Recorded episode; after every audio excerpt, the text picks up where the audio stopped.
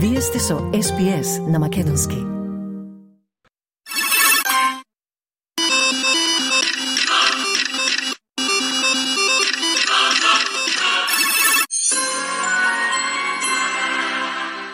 За оние кои страдаат од зависност од коцкање преку интернет, владата на Албанези треба да воведе нова алатка за да им помогне да престанат. Се вика BedStop.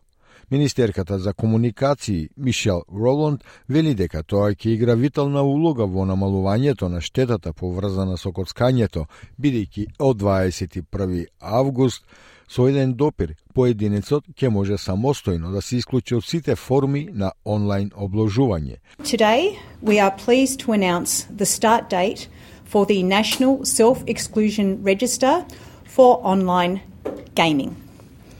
This is known as BetStop and it will commence on the 21st of August this year.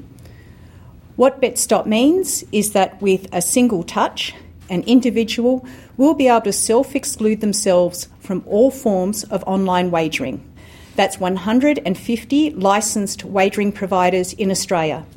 They will not be able to open an account, place a bet, and it will be prohibited to market to them directly, including by email or by text. Па според тоа, што значи ова за австралиците?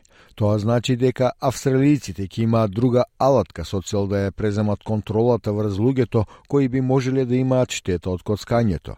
Тоа значи дека луѓето ќе можат да го прават тоа бесплатно, Тоа исто така значи дека Австралиската управа за комуникации и медиуми ќе има овластување да обезбеди спроведување, вклучувајќи известување за прекршување, предупредување и потенцијални граѓански казни, кои може да бидат над 230.000 австралиски долари во некои случаи.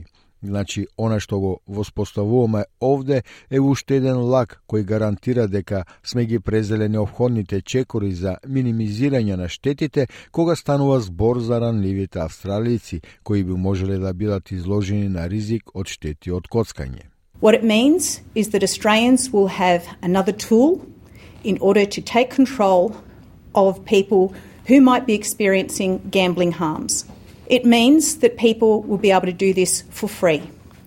It also means that the Australian Communications and Media Authority will have the powers to ensure enforcement, including infringement notices, warnings, and potentially civil penalties, which can be over $230,000 per day in some cases. Бедстоп овозможува доброволно исклучување од онлайн облажувањето на одреден временски период – од три месеци до неодредено време. Бедстоп ќе биде промовиран на веб локации и апликации за обложување, како и во маркетинг материјал со кампања за подигнување на јавната свест. Како дел од промените во коцкарската индустрија, оддавателите на обложување ќе се бара и да го потврдат идентитетот на клиентот кога ќе се регистрираат за нова сметка и пред да може да се стави облог.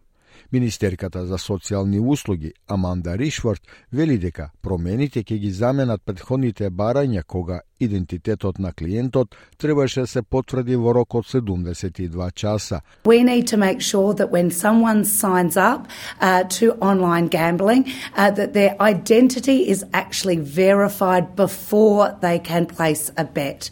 At the moment, uh, a person can sign up and there's 72 hours before their identity is verified where they can place bets and uh, actually uh, continue to punt. This isn't good enough enough, and it means that if you register with BetStop, there is 72 hours uh, if you go online that you can actually start gambling under some other identity. Gospođa Rishford isto tako go objašnjava vljenije to na ova. Таа вели дека чекорите што се преземаат околу предпроверката се осигуруваат дека ако некој отвори онлайн сметка за обложување, тој мора да биде идентификуван и дека неговиот идентитет е потврден пред да може да се обложи. So our steps that we're taking around pre-verification is ensuring that if someone opens an online account uh, for wagering that they must be identified and that their identified, uh, identity is verified before they can place a bet.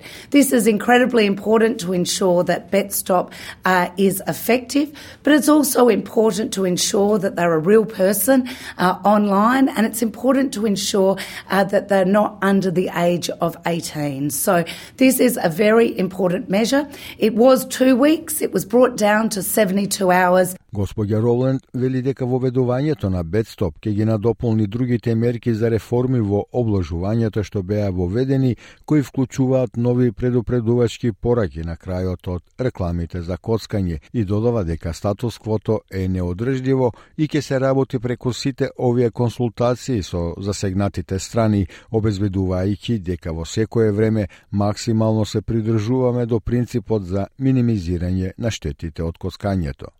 We have been speaking to a wide variety of stakeholders. Um, they include harm reduction advocates, people right across the sector, as has Minister Rishworth in those areas which impact on her. I will not reveal the contents of those discussions, suffice to say that the industry is well aware of the comments that I have made on the record that the status quo is unsustainable. But we will work through all of these stakeholder consultations, ensuring that at all times we adhere to the utmost the principle of harm minimisation. That is what this government has been very clear on, and will continue to pursue that. Вие сте со SPS на Македонски. Сакате ли да чуете повеќе прилози како овој? Слушате подкаст преку Apple Podcasts, Google Podcasts, Spotify или од каде и да ги добивате вашите подкасти.